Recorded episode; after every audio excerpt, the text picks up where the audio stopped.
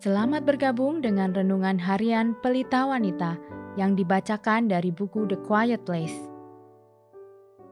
Pembacaan Alkitab hari ini diambil dari Yohanes 16 ayat 28 sampai 33. Aku datang dari Bapa dan aku datang ke dalam dunia. Aku meninggalkan dunia pula dan pergi kepada Bapa. Kata murid-muridnya, "Lihat, sekarang engkau terus terang berkata-kata, dan engkau tidak memakai kiasan. Sekarang kami tahu bahwa engkau mengetahui segala sesuatu, dan tidak perlu orang bertanya kepadamu. Karena itu, kami percaya bahwa engkau datang dari Allah. Jawab Yesus kepada mereka, "Percayakah kamu sekarang? Lihat, saatnya datang, bahkan sudah datang." bahwa kamu dicerai-beraikan masing-masing ke tempatnya sendiri, dan kamu meninggalkan aku seorang diri. Namun aku tidak seorang diri, sebab Bapa menyertai aku. Semuanya itu kukatakan kepadamu, supaya kamu beroleh damai sejahtera dalam aku. Dalam dunia kamu menderita penganiayaan, tetapi kuatkanlah hatimu. Aku telah mengalahkan dunia. Ayat kunci hari ini adalah Yohanes 16 ayat 33. Semuanya itu kukatakan kepadamu, supaya kamu beroleh damai sejahtera dalam aku. Dalam dunia kamu menderita penganiayaan, tetapi kuatkanlah hatimu. Aku telah mengalahkan dunia. Mengalahkan atau dikalahkan.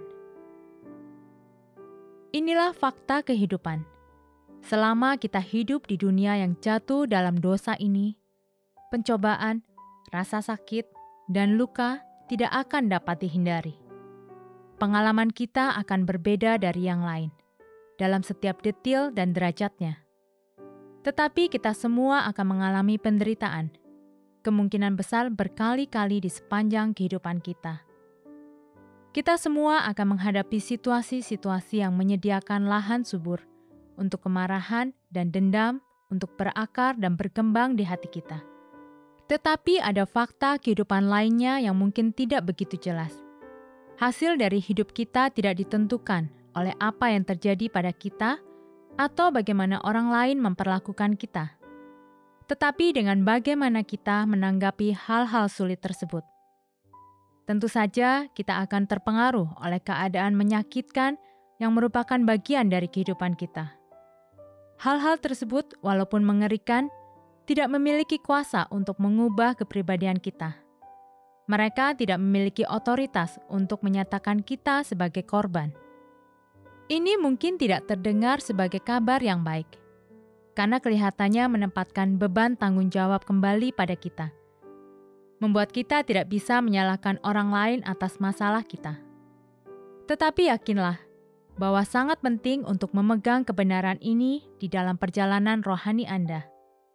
Ketika kita sebagai anak-anak Allah menyadari bahwa kasih karunia-Nya cukup untuk setiap situasi, pada saat itu kita bukan lagi menjadi korban.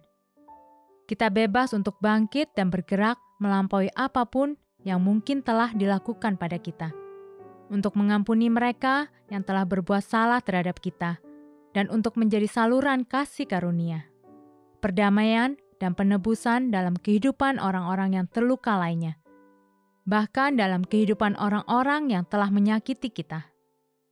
Ya, kita bisa bebas jika kita memilih untuk bebas. Sebagai penutup, mari kita renungkan hal ini. Ingatkan hati Anda dengan kebenaran ini. Saya tidak harus menjadi korban atau seorang tahanan karena keadaan atau orang yang telah menyakiti saya. Dengan anugerah Tuhan, saya dapat berjalan dalam damai, keutuhan, dan sukacita, bahkan di tengah kesengsaraan dalam dunia ini.